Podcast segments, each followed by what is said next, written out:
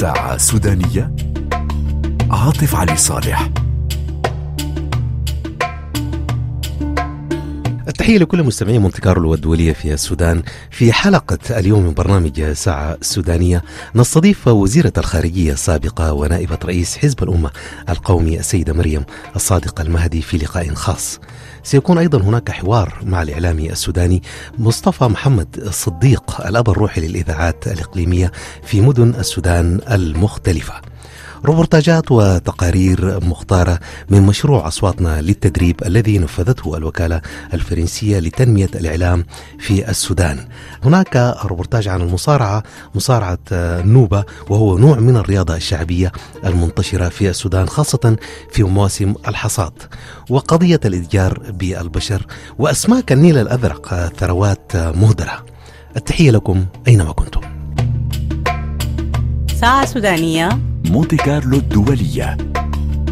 وزيرة الخارجية السابقة السيدة مريم الصادق المهدي ونائبة رئيس حزب الأمة أهلا وسهلا بك في إذاعة مونتي كارلو. أهلا بك أستاذ عاطف وأنا سعيده اليوم إنكم اليوم في ضيافتي وأنا سعيدة جدا إنه إذاعة آه، مونتي كارلو الحبيبة القريبة آه، تكون معانا اليوم هنا في السودان وتكون في بيتي. آه، نناقش معك أزمة الانتقال في السودان. ونسأل عن رؤيتكم لإعادة المسار الديمقراطي في ظل سيطرة الجيش على مفاصل الدولة وفشل المبادرات الإقليمية والدولية في إيجاد حل وأيضا تعثر الحوار الوطني. أسمح لي أستاذ عاطف اولا أختلف معك في كل ما ذكرت ما عدا المعاناة الكبيرة اللي بيعانيها المواطن السوداني ولعله هذا الدافع الأكبر لنا كلنا كمسؤولين سودانيين بغض النظر عن مواقعنا إننا يجب أن نجد مخرج سريع وعاجل لإنهاء هذا التدحرج السريع في الشأن السوداني والمعاناة الكبيرة للمواطن السوداني. ولكن في مسألة ال- ال- ال- ال- السبيل الحل الآن ال- ال- البروق تلوح بصورة غير مسبوقة في قرب آه، ال- ال- الوصول لمخرج آه، ال- ال- ال- الضوء في في آخر النفق يلوح بقوة لماذا؟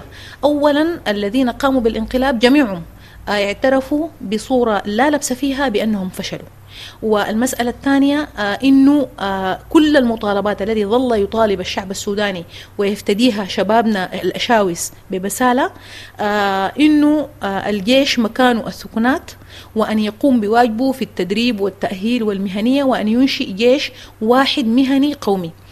وإنه الحكم يجب أن يكون مدني. ومسألة حتى الحديث عن إنه آه، لا نريد آه، سياسيين في الحكومة وغيرها أصبح آه، حديث كله آه، من العهد ال- ال- البائد أيضا. الحديث الآن عن المسؤولية السياسية وكيف المدنيين يتوحدوا وغيرها. المبادرات ال- الدولية لعلها من الأول كانت هي نفسها جات في إطار الأزمة إنه السودانيين أنفسهم ما كانوا عايزين يقعدوا مع بعضهم البعض. الآن بدوا يج- يجلسوا مع بعضهم البعض. بالتالي توارت الحوجة. يعني مثلا الثلاثية انتهت لأنه الجيش آه، عبر آه، السيد البرهان وبعده السيد حميدتي أعلنوا بوضوح انهم خارجين من الحياة السياسية وإنه الحكم مدني وإنه مكانهم هم في السكنات ويعملوا جيش واحد. بالتالي لم يعد هناك حوجة للوساطه الثلاثية بشكلها كان دخلت الرباعية آه، عشان تقدر آه، تلتقي تلاقي ال- ال- القوة ال- ال- السودانية مع مع يعني بي- بي- بينها. وهو في في الأصل أنا أعتقد إنه كان تعبير عن أزمة أصلا لأنه السودانيين يجب أن يلتقوا بأنفسهم. جاءت المبادرة المهمة جدا وال- والقوية واللي هي الآن فتحت المجالات بصورة كبيرة وهي آه، آه، مبادرة آه، نقابة اللجنة التسييرية لنقابة المحامين. وعملت التقاء غير مسبوق والتقوا حول وثيقة السورية. الآن كذلك هناك مبادرات مهمة جدا وتمضي بقوة. آه، مبادرة رجال الأعمال آه، السودانيين آه، في إنها تعمل كتلة سياسية أو كتلة مدنية تتفق على إعلان سياسي ليكون الأساس للوثيقة الدستورية اللي هي كان مفترض أصلا تكون يسبقها آه، إعلان سياسي. الآن سننتقل لوجهة أخرى وجه آخر للدكتورة مريم الصادق المهدي وزيرة الخارجية السابقة احتفى العالم بشكل خاص بكنداكات الثورة. نعم. واحتفى احتفاء خاص أيضا عندما تم اختيارك وزيرة خارجية السودان. والآن ربما أتت الفرصة لكي نزل في إذاعة مونتي كارلو الدولية. من هي مريم الصادق؟ أولا نتحدث عن طفولتك. أين درستي؟ والله مريم الصادق آه، أنا اسمي طبعا مريم المنصورة ده اسمي الكامل نعم مريم المنصورة ده اسمي الرسمي في الشهادة السودانية طيب، يمكن نعم. لأنه الحبيب الإمام والدي نعم. عليه ورضوان كان داخل على انتخابات نعم. ويعني كان من باب التفاؤل ولله الحمد إنه يعني كان رئيس بقى رئيس وزراء نعم. في في ذاك الزمان نعم. آه لكن أنا آه امرأة سودانية متزوجة عندي ستة ما شاء الله من الأطفال أربع. بنات وولدين توأم كلهم في الم- المراحل ال- ال- البنت الكبيرة تخرجت الآن في دراسات عليا والبنات كلهم ما شاء الله في الطور الجامعي الأولاد آه، ممتحنين السنة دي آه، الشهادة الله ينجحهم وأنا بهني مرة أخرى بهذه المناسبة بكنداكات السودان اللي هو في المية الأوائل 71 71 بت أولى. والاولاد يعني آه، يعني ندعو لهم بالخير. واحدين منهم غايته 29 قدروا يدخلوا مع بناتنا المية. مقبولة منك. و...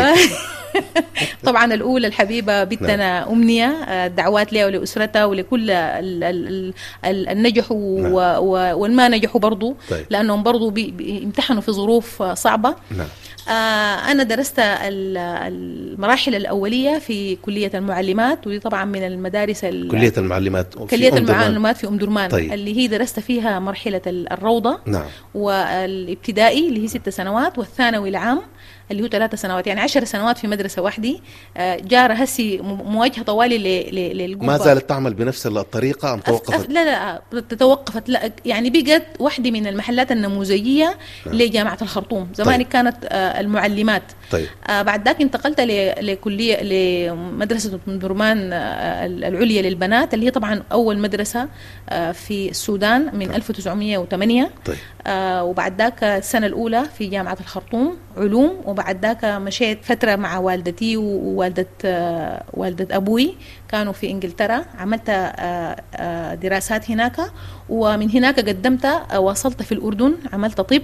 في الأردن تخرجت من الجامعة الأردنية عملت دراسات عليا في طب المناطق الحارة وأيضا دراسات عليا في النوع والتنمية وفي ال- الإرشاد النفسي وأيضا تخرجت من جامعة النيلين بمرتبة الشرف الأولى في كلية القانون. كلية القانون. ولكن يعني بعد كل هذا المسار الأكاديمي المتنوع والمختلف في ذهنك احتراف السياسة والعمل آه، السياسي كسيرة الوالد. آه، علاقتك بالوالد أولا. رحمة الله يا- عليه. آه، الحبيب الإمام هو والدي وإمامي نعم. وقائدي في العمل السياسي في مختلف المجالات. كنت منذ أن يعني في الفترة من 2000 من 1000 و- نهاية 1997 لغاية 2000 كنت في جيش الأمة. كنت ضابط مقاتل. في جيش الأمة في اللواء السو- السودان الجديد. كنت نائب رئيس ال- الوحدة الطبية الموحدة. وهي الوحدة الوحيدة التي توحدت بصورة كاملة في آه، لواء السودان الجديد في طيب. في مناطق الشرق. آه بعد ذاك تم اختياري يعني منذ أغسطس 2000 وإلى أن انتقل الحبيب آه رضوان عليه والرضوان في نوفمبر 2020 أنا ما فارقته أبدا. آه خاصة بعد ما بقيت مسؤولة عن الاتصال ال- السياسي اللي هو دائرة الاتصال فيها الاتصال السياسي والإعلام وسودان المهجر والعلاقات مع القوى السياسية الأخرى منذ 2003 آه، كنت بعمل مع الحبيب الإمام بصورة لصيقة لأنه رئيس الحزب دي نفس ال- ال- الدوائر ال- اللي بيشتغل فيها. فكنت معه من الجهاز التنفيذي بصورة لصيقة حلا وترحالا في داخل السودان وخارج السودان.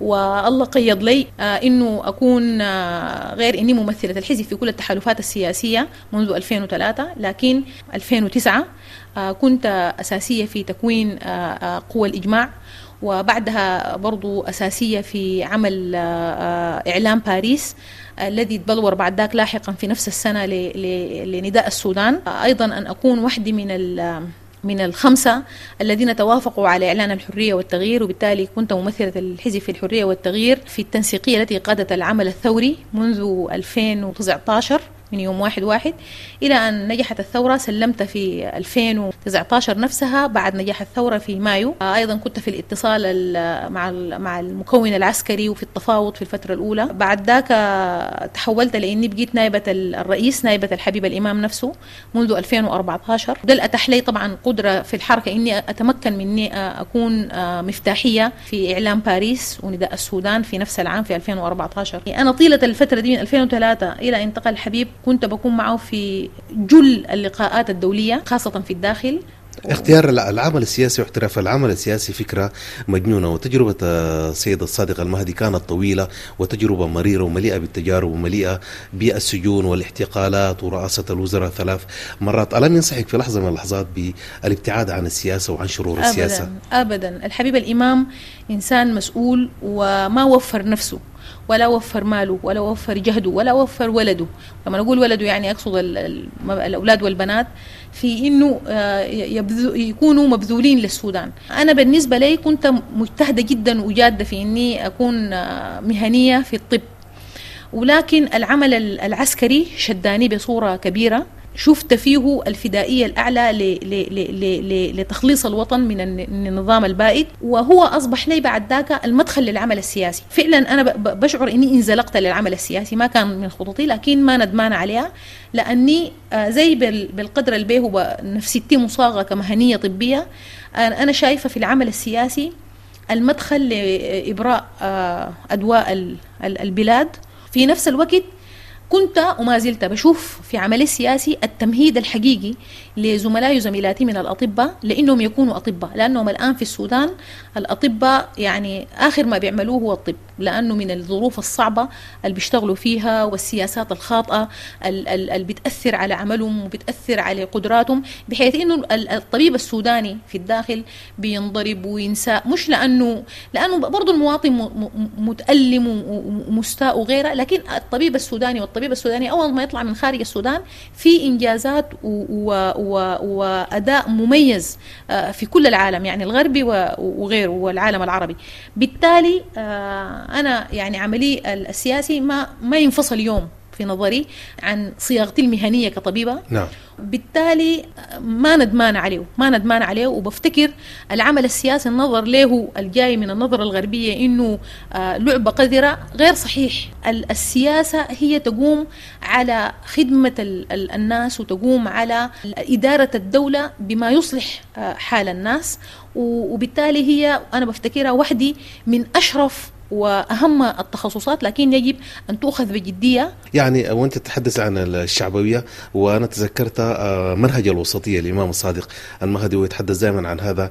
ال- المنهج يعني بعيدا عن آه، الصادق المهدي الوالد أو الأب ماذا افتقد السودان آه، بعد رحيل الصادق المهدي؟ افتقد الكبير افتقد المرجع افتقد الحكمة افتقد الزول اللي بيستشرف ال- الغد وعنده علاقات فيها احترام وفيها حب. لكل الناس.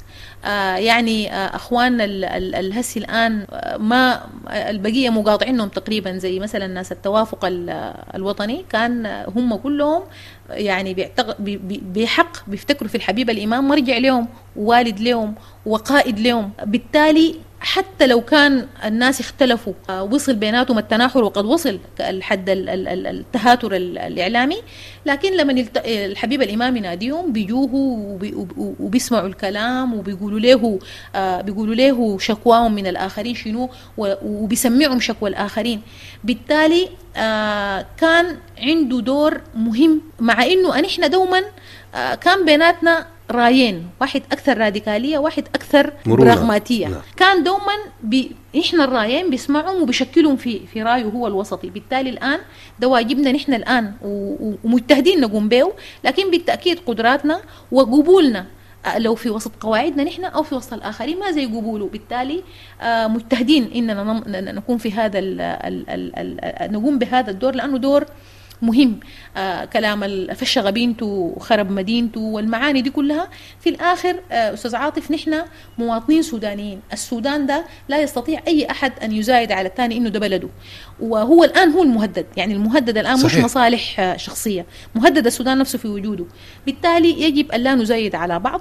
وحتى لو بيناتنا غضب ولو بيناتنا أخطاء تمت لازم نجعل الآن أولويتنا تثبيت آه، السودان من الانهيار. وبعد ذاك عبر العدالة الانتقالية عبر الانتخابات بترجع الأمور للشعب وبي- وبيجازي كل منا بما يراه الشعب اللي هو شاف قدامنا شاف قدامه آه، منو الأحسن ومنو لم يحسن ومنو الأساء في لفظه والأساء في فعله ومنو الاجتهاد وغيره. فلازم نصبر لبعضنا البعض. آه الآن ده الوضع في السودان ما ما بيتحمل التجاذب لأنه السودان نفسه في وضع آه ضعيف جدا وفي تكالب حقيقي عليه نعم. دولي والمواطن السوداني في شد في أشد العناء. دكتورة مريم الصادق المهدي وزيرة الخارجية السابقة ونائبة رئيس حزب الأمة شكرا لك في إذاعة مونتي كارلو الدولية في الخرطوم. شكرا لك جزيلا وأنا سعيدة جدا وإن شاء الله دوما مونتي كارلو في مسامعنا.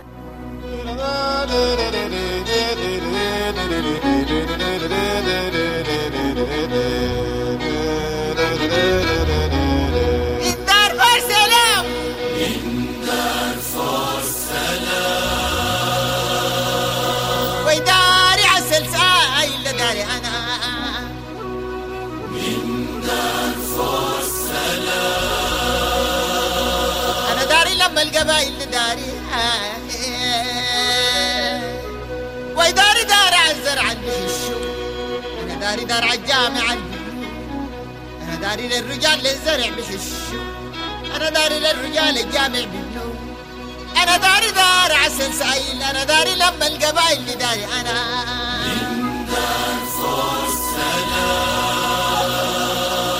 من دار فور سلام. أنا داري دار على الجامع دار برسلم أنا داري دار البير البحفرو أنا داري للأتم بربو ويدار فر عسل سعيل أنا داري لما القبائل داري أنا. ويداري عسل نقا أنا داري دار الرجال القسم دار فر سلام ويداري عسل نقا. حيداري دار الرجال القسم كدي داري أنا. حيدار سلام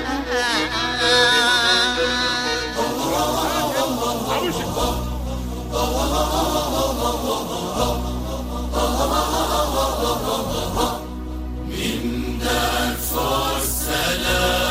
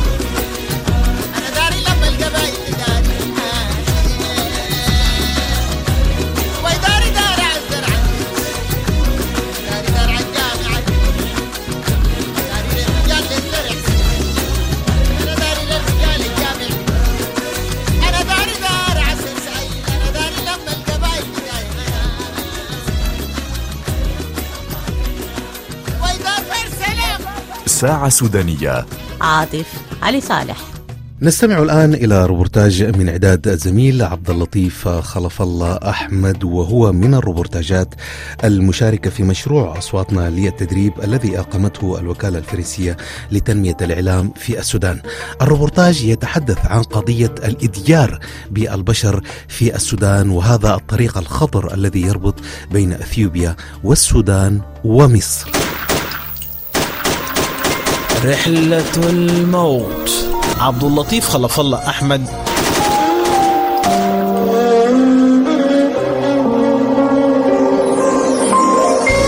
الإتجار بالبشر خطر على المجتمعات وهو مهدد حقيقي للإنسانية لما له من عواقب كارثية تنعكس سلبا على حياة الناس. والملاحظ في الفترة الأخيرة تنامي هذه الجريمة العابرة للحدود بشكل كبير وأصبحت هاجسا يؤرق الدول والمجتمعات. وهنا في منطقة القرن الأفريقي وولاية القضارف تمثل معبرا لهذه الجريمة التي أصبحت متنامية لأسباب اقتصادية في المقام الأول وللسرعات التي تشهدها المنطقة. لا بد لنا أن نتعرف على هذه الظاهرة عن قرب من خلال العديد من النماذج ولكن دعونا هنا أن نأخذ نموذجين لهذه الجريمة والتي حدثت لواحدة من الأثيوبيات وهي عابرة للسودان من المناطق الحدودية التي اشتهرت بهذه الجرائم. الماض تكلا. جينا قلبات لقينا واحد قال نسافركم أوروبا تدفعوا لنا 30 مليون جنيه سوداني. يعني يعادل بعملة حقنا 30 ورقة. وجينا ركبنا عربية وطلعنا بالليل وانينا 15 من أثيوبيا ومعنا واحد صومالي ولما جينا لقريب منطقة اسمها دوكا ضرب مننا واحد اسمه بابا في كرة وحسنينا معهم هنا لنا سبع أيام ولسه منتظرين ولم تكن الماضي لوحدها بل العديد من الضحايا لهذه التجارة المحرمة دوليا. فنقف على ما حدث لعدد من النساء والأطفال بمنطقة اللية بالحدود السودانية الأثيوبية مع محمد إبراهيم محمد ابن أحد هذه الضحايا. تحركنا إحنا سبع أنفار فنحن قمنا طلعنا في الجبل. هم قاموا زاغوا مشوا لقينا الجثث. طبعا هم خمسة جثة أمي. طبعا إحنا وقت مشينا لقينا الجثث انصدمنا. ما قدرنا نتكلم. ما عارفين بنقول لهم شنو. حتى الناس اللي مرقوا في الفزع ما قدرنا نقول لهم أخي جينا لقينا أمهاتنا ديل. هم مقتولات. وتبقى ظاهرة الإتجار بالبشر وهي قرينة لعدد من الممارسات المحرمة دوليا. وللخبراء والدارسين لهذه الظاهرة معلومات كافية عن أشكالها. التقينا الخبير في مجال الحدود محمد محمد زين. سياسة البشر أصبحت متطورة وبتبتدي من مصر إلى القريشة إلى الحدود الأثيوبية ده أصبح مسار معروف يعني بلاغات الشرطة الآن فيها الذخيرة وفيها السلاح وفيها البشر. أصبحت إنه الجهات الأمنية محتاجة لمركبات جاهزة محتاجة لاستخبارات متواصلة على المنطقة بتاعت المشاريع الزراعية ذاته. مجهودات ودور القوات النظامية مهم في المقام الأول. لحماية المجتمعات من هذه الظواهر. ونسعد أن نستضيف في هذه الإفادة المقدم شرطة خضر بابكر. العملية بتاعت الإتجار بالبشر عملية بقت تجارة بقت منظمة بقت بتقنيات عالية وعربات جديدة ودفع رباعي. ونحن في الفترة اللي فاتت كثفنا انتشارنا مع القوات النظامية الأخرى في مراقبة الشريط الحدودي والمداخل للتجار بتاع الإتجار بالبشر. فيا عزيزي المستمع تظل جريمة الإتجار بالبشر واحدة من المشاكل التي تؤرق المجتمع الدولي ما لم تتضافر وتتكامل الأدوار المحلية والإقليمية والدولية شكرا لزميل عبد اللطيف خلف الله أحمد على هذا الروبورتاج بعنوان الإتجار بالبشر وهو من الروبورتاجات المشاركة في مشروع أصواتنا الذي أقامته الوكالة الفرنسية لتنمية الإعلام في السودان.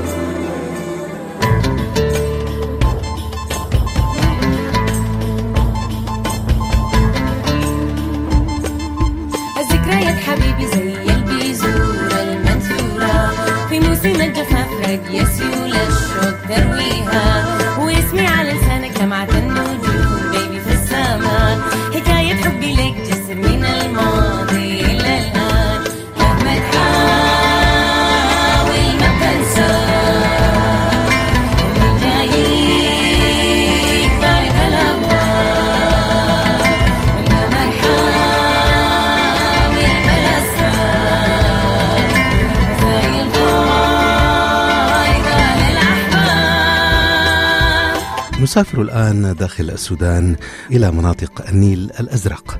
تجارة الأسماك والدور الاقتصادي الذي تقوم به في هذه المنطقة. الروبورتاج من إعداد الزميل راشد المقير وهو من الروبورتاجات المشاركة في مشروع أصواتنا للتدريب. للأسماك دور مهم في حركة اقتصاد إقليم النيل الأزرق وهو ما تسعى إليه حكومة النيل الأزرق من خلال عمل شراكات مع شركات لها اهتمام بتنمية الموارد واستغلالها الاستقلال الأمثل. وهو ما ذهب إليه الدكتور نور الهادي آدم عثمان مدير عام وزارة الثروة الحيوانية والسمكية بالإقليم عندنا تعداد آه، سمكي كبير جدا جدا آه، يقدر بأكثر من 40 ألف طن بعد تعلية خزان الروسيرس نحن أنشأنا وبادرنا عملنا مجلس إدارة لإدارة سوق الأسماك والأحياء المائية سوق السمك زي الأسماك. الآن في تدريب للصيادين في الصيادين انتظموا في جمعيات آه، منتجين الصيادين. الآن في أكثر من 20 جمعية أقل جمعية بتضم لها 10 أنفار. الآن تم تدريب الصيادين في قبل الإغاثة الإسلامية عبر العالم. دربوهم وملكوهم وسائل إنتاجية. في كميات كبيرة جدا جدا. إحنا في شهر 12 من العام السابق تم تمليك الصيادين بمبالغ مالية كبيرة جدا جدا في معينات الصيد. وفر لهم منشات وفر لهم شباك منظمة الفاو. الآن نحن عندنا خطط مع منظمة الأطباء البيطريين عملوا إعادة تاهيل للسوق وعندهم وسائل إنتاجية. الآن نحن في الدراسات الفنية والمبدئية عندنا شراكة كبيرة جدا جدا. سترى النور إن شاء الله بيننا بين الغطاء الخاص والغطاء الحكومي متمثلة في شركة سينرجي للاستثمار. هذه الشركة الكبيرة بتعمل في مجال الأسماك والاحياء المائية في دولة بلجيكا وفي يوغندا وفي آه، كينيا. يتميز النيل الأزرق باحتوائه على العديد من أنواع الأسماك منها سمك العج وسمك البلطي وأنواع أخرى عديدة وبكميات تجارية خاصة بعد تعلية خزان الروسيرس وزيادة مساحة البحيرة خلف الخزان. البحيرة بتاعت خزان بعد التعلية البحيرة بقت عميقة الوسائل البدائية للصيد بقت ما مجدية الناس بتساءلوا الأسماك بعد التاليه الأسماك قلت الأسماك ما قلت الأسماك بقت كثيرة لكن طرق الصيد والوسائل البدائية القديمة ما بقت مجدية لصيد الأسماك. الأسماك الآن في أعماق كبيرة جدا جدا. كان السمك في عمق مترين ومتر ونص. الآن الأسماك بقت أعماق 15 20 متر تحت المياه. فلا بد أن يتم تطوير الوسائل الصيد تكون وسائل حديثة. المورد السمكي كافي للإنسان الاقليم يدرك أن يطوروا أن يخرج إلى بر الأمان. نحن كل هذه الشراكات تحدث إلى توفير الغذاء الامن لانسان الاقليم والسودان. يمارس الكثيرين من سكان الإقليم مهنة صيد الأسماك. إلا أنهم يواجهون بالعديد من الصعوبات وذلك لقلة الإمكانيات. إسحاق بكر يذكر بعض تلك الصعوبات. حالتنا بس شوية صعبة. ما عندنا يد الشغل وما عندنا مراكب وما عندنا شباكي ونجينا مساعدة دايريننا. لأنه محلنا بعيد. الشبكة إن خمسة إن ستة لأنه السمك الصغير ده كان ما قاعد يجيبه. من سبعة من ثمانية لو لقينا المراكب الصغار برضه بساعدنا الشغل هناك. تمشي باللانش توقف اللانش وتشيل المركب صغيرة تمشي تلي سمكك والله يجيك السمك والتعلية ده فيه. إدي بتاع شغل والله قديم ما لكن سمك ده والله يوم أنا جبت سمكه واحدة جبت جاب سمكة واحدة قريب 20 كيلو يجي. ومن المشاكل التي تواجه المسوقين عملية عرض وتسويق الأسماك. الأمر الذي يؤثر بشكل سلبي على شرائها. بشير عوض من المسوقين الذين لديهم مطالب في اتجاه تطوير عملية العرض والتسويق. تلقائيا السوق قبل اليوم فتح لكن نجاحه قليل لأنه شنو؟ الترتيب الجوا هو ما مرتب ترتيب بتاع سوق. السبب لأنه الزنك لما تمشي تخش المنافس حقته ضيقه الصيادي والسماكي اللي هو نحن الصبابة دايرين المساحة تكون أوسع ده واحد والناس ما قدروا هم يتفقوا هل الموضوع ده لناس السوق للتجار ولا للسيابين ده سبب الموقف السوق.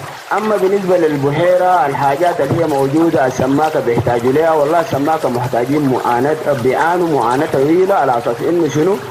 الشباكه الاسعار بقت عالية والسماكي ما بقدر الصياد ده عشان إنه شنو يقدر يوفر معداته كاملة. داير له دعم يعني. الأسماك في إقليم النيل الأزرق بالإضافة للنيل كمصدر أساسي للأسماك فهي تحظى بخيرات موسمية تصلح للاستزراع السمكي إذا ما استخدمت الطرق الحديثة في ذلك. شكرا لي زميل راشد المقير على هذا الروبورتاج عن تجارة الأسماك والدور الاقتصادي الذي تقوم به في منطقة النيل الأزرق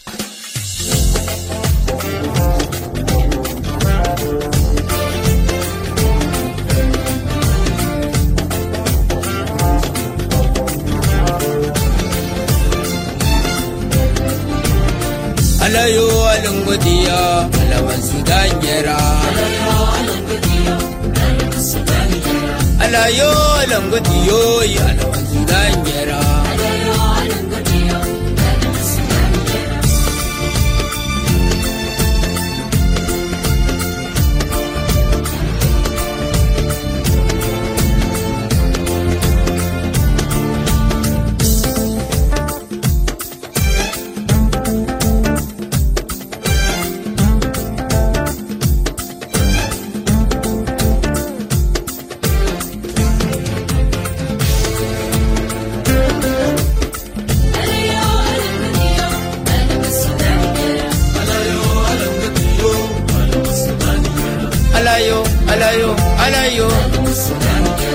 layo a nan gwatiyo oye wujiye nwaran le nwaran ah. banye ruwa wujiye nwaran le nwaran banye ruwa ah.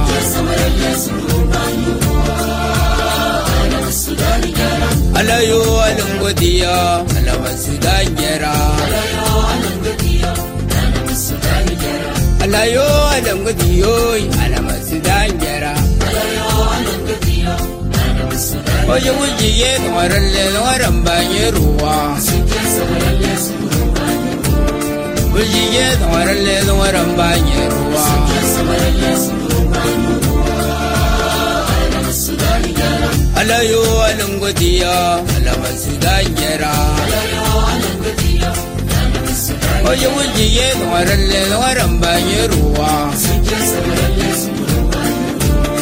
wujiye ngwaralle ngwaran banye ruwa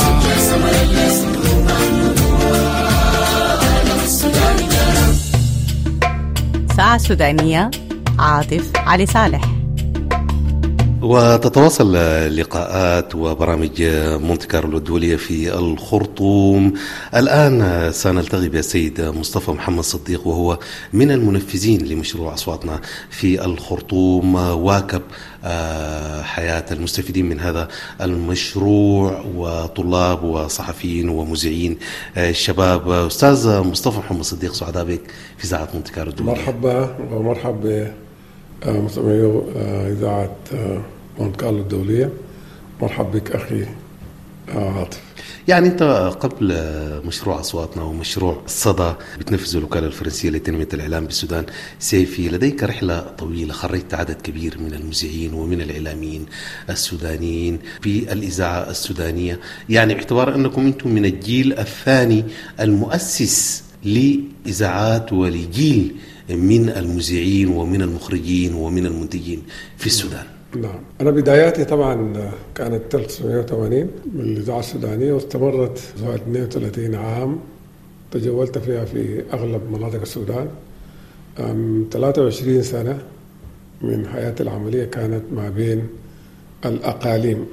بدأت من الإقليم الأوسط وانتهت في الإقليم الوسط بمعنى أنك قمت بافتتاح وتأهيل الإذاعات الإقليمية. نعم جزء كبير جدا من يعني ود مدني تأسيس. إذاعة ود مدني وسط السودان؟ أيوه دي كانت ده كان تأسيس 86 كان نعم. تأسيس إذاعة ود مدني نعم. وبعد ذاك إذاعات في الشمالية اللي هي إذاعة دنقلة وإذاعة الدمازين. إذاعة الدمازين دي دي الإذاعة اللي أنا أقدر أقول إنه صحيح أنا ما من ما من الأوائل فيها لكن هي الإذاعة اللي قمنا بتأسيسها آم، من حتة بتاعت مباني وتغيير بتاع أجهزة وتدريب لكوادر.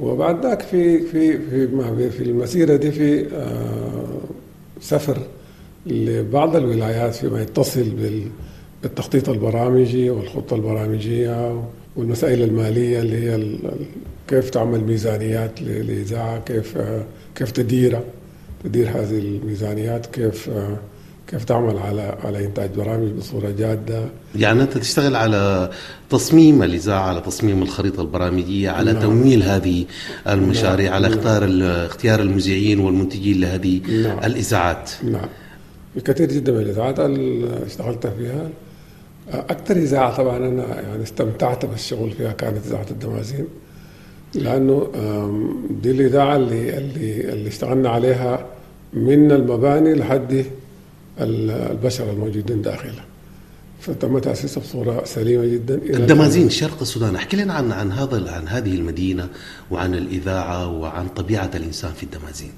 بالمناسبة الدمازين دي عالم. طيب. يعني هي جغرافيا، خلينا نتحدث عن الجغرافيا هي, هي. ولاية ولاية النيل الأزرق. نعم. هي عاصمة ولاية النيل الأزرق. نعم. و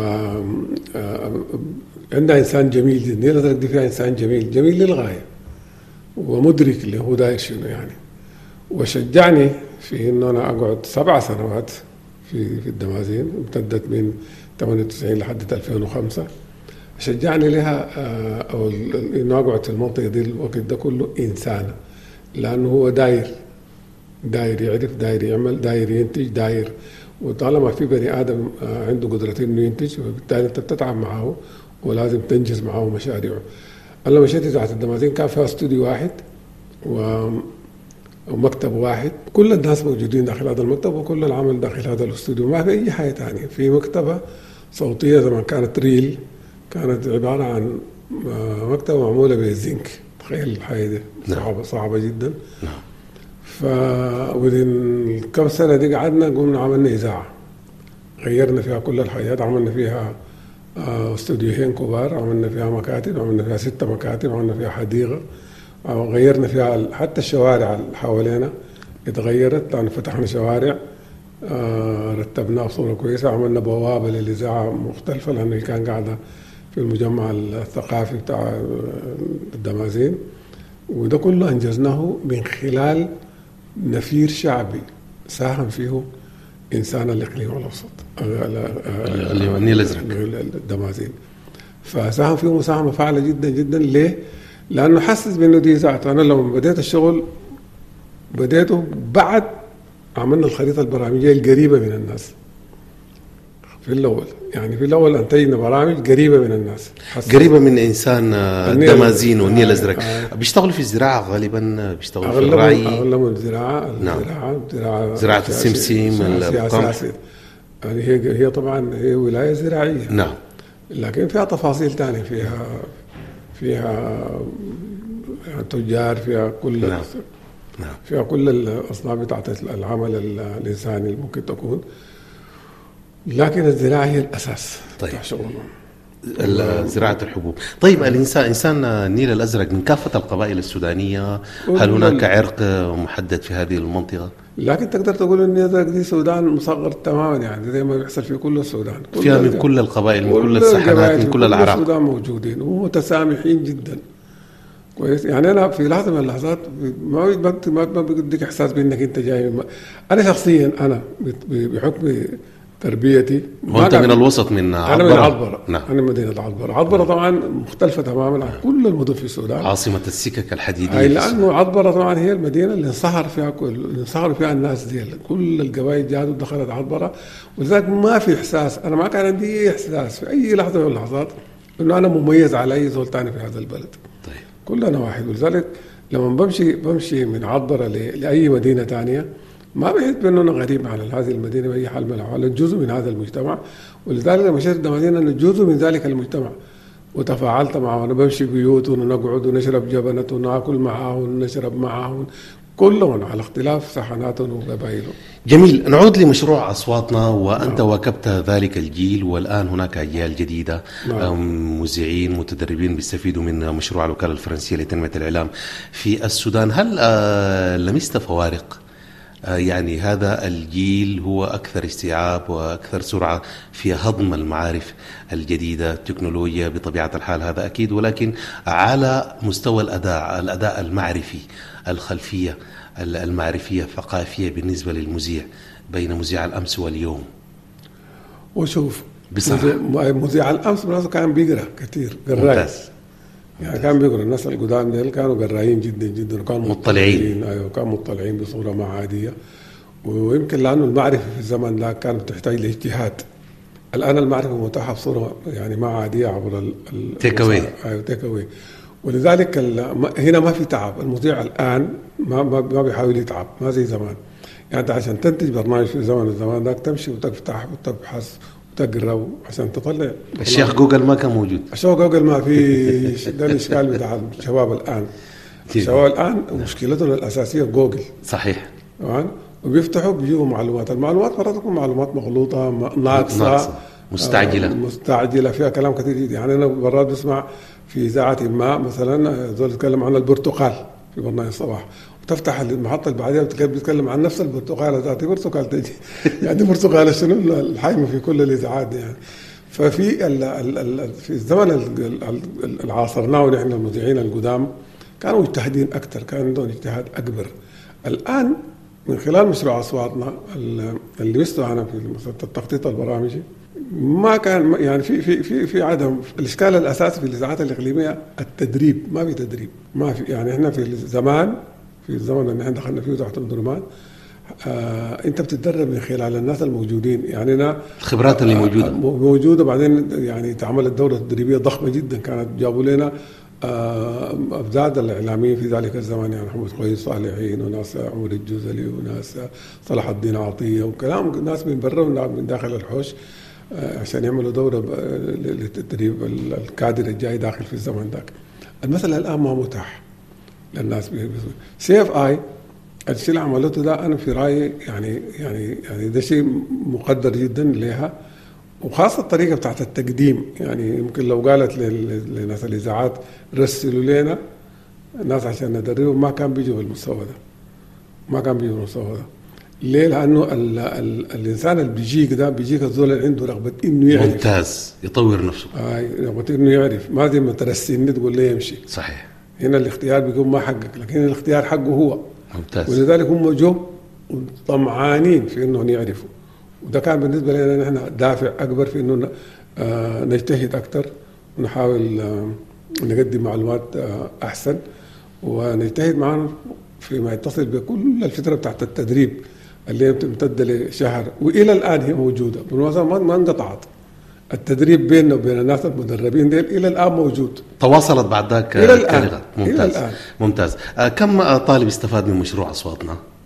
آه 25 25 طالب وتم اختيار روبورتاجات تم بس آه عدد من 25 ديل ديل, ديل المنتجين طبعا في نعم.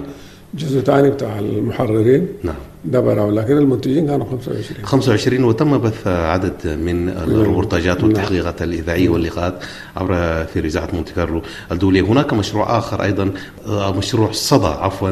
آه، سنعود ونلتقي بك أستاذ آه، مصطفى لكي نكمل هذه رحلة آه، مشروع الوكالة الفرنسية لتنمية الإعلام في السودان. تمام شكرا جزيلا.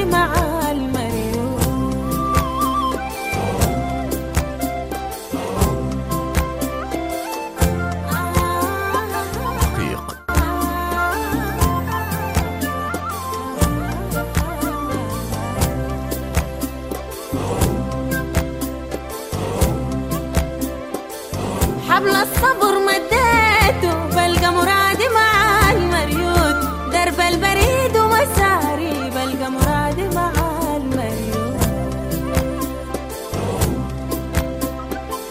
قمر الليالي السوداء بلقى مرادي مع المريوت شمس بتطل نهاري بلقى مرادي مع المريوت ساعة سودانية. عاطف علي صالح. في هذا الروبورتاج نتعرف على نوع من الرياضة الشعبية المنتشرة في السودان وهي رياضة الصراع الصراع آه، الذي يوجد بين القبائل. كنوع من الرياضة وتنتشر هذه الرياضة في موسم الحصاد في السودان ويرجع تاريخ هذه الرياضة إلى 200 سنة قبل الميلاد. الروبورتاج من إعداد عيسى أحمد الضاكر. الصراع كرياضة شعبية من أجل السلام. ضيفنا في هذه الحلقة هو الأستاذ المحامي الله جابو سليمان كابو باحث في المصارعة النوبية. تعريفها مختصر للمصارعة النوبية. المصارعة هي رياضة شعبية رياضة تعبر عن الثقافة وعن التراث. يرجع تاريخها إلى أكثر من 200 سنة قبل الميلاد منذ مملكة كوش العظمى. وهي لأهلنا وشعبنا العظيم شعب جبال النوبة الذين استطاعوا أن ينقلوا هذه الرياضة ويتوارثوها أبا عن جد حتى هذا تاريخ. المصارعة مثلها كأي رياضة من الرياضات تحتاج لمسألة بتاع ترتيب وإعداد لمنافسة المصارعة. بيئة في المنطقة تساعد بصورة كبيرة في أن يكون اللاعب متميز وأن وأن يستفيد من كل الأطر الموجودة على مستوى المنطقة. عندما تصعد إلى الجبال هذا يساعد في تقوية عضلات الأرجل وكذلك عندما تسير وراء ال- الأغنام والأبقار والبهائم والماشية بصورة عامة آه، أيضا تقوي من عضلات الأرجل وكذلك نشر المياه من الآبار. باعتبار أن هناك الإنسان يعتمد على نشر الماء من البيئة أيضا تساعد في تقوية عضلات ال- اليدين. بالإضافة إلى التدريبات التي تأتي يوميا من خلال الليالي القمرية. يعني الولد الصغير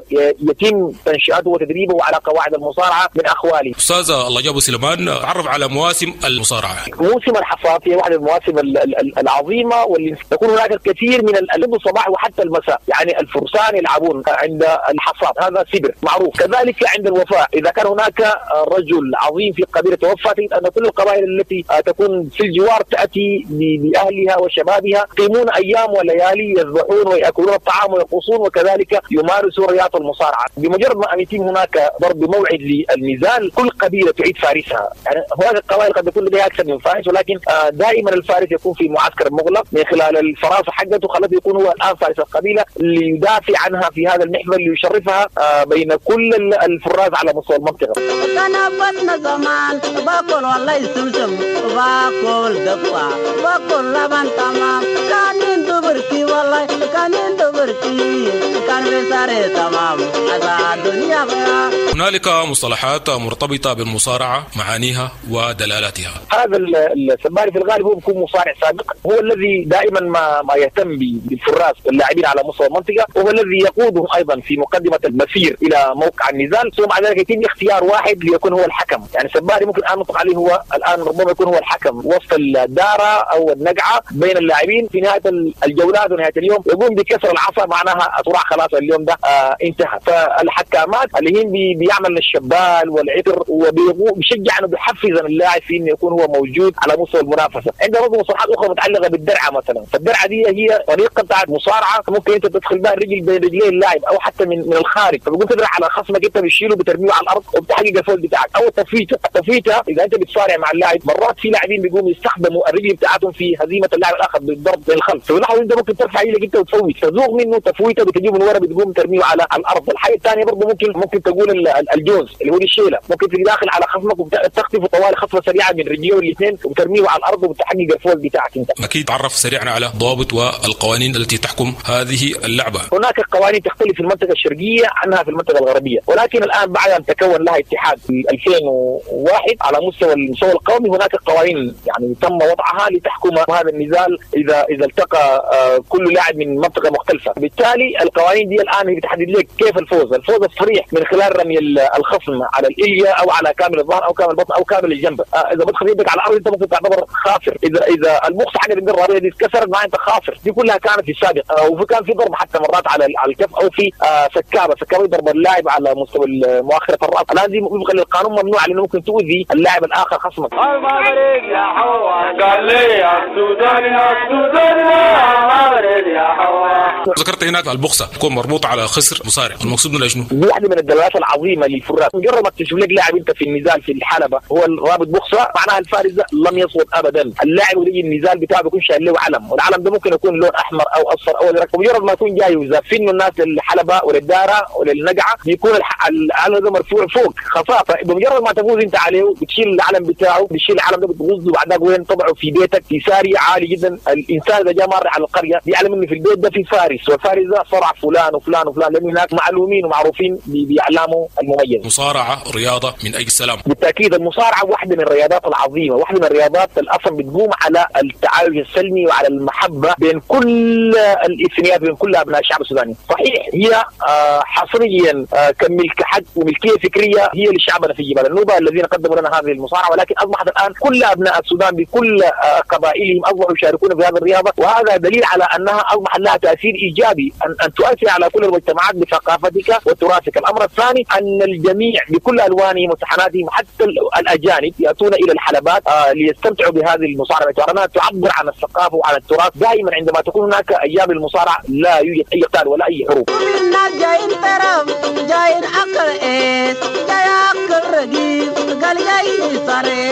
تير الشرو لبن قال وشنغا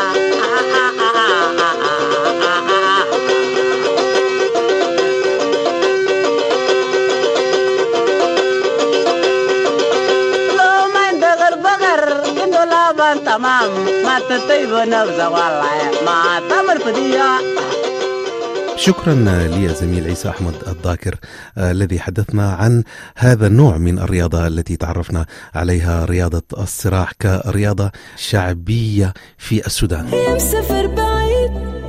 لبلاد الحبيب. قولوني من دونه غريب. حتى لو بعيد انت لي قريب. في بالي ذكراك ما بتغيب. وندور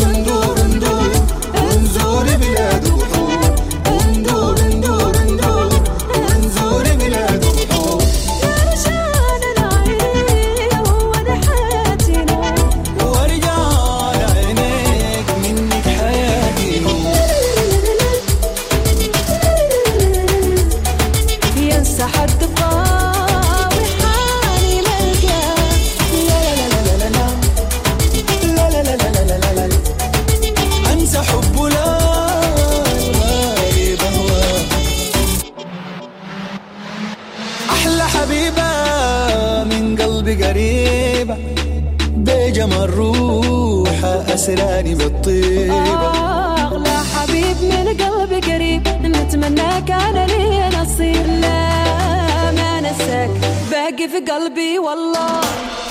وندور ندور ندور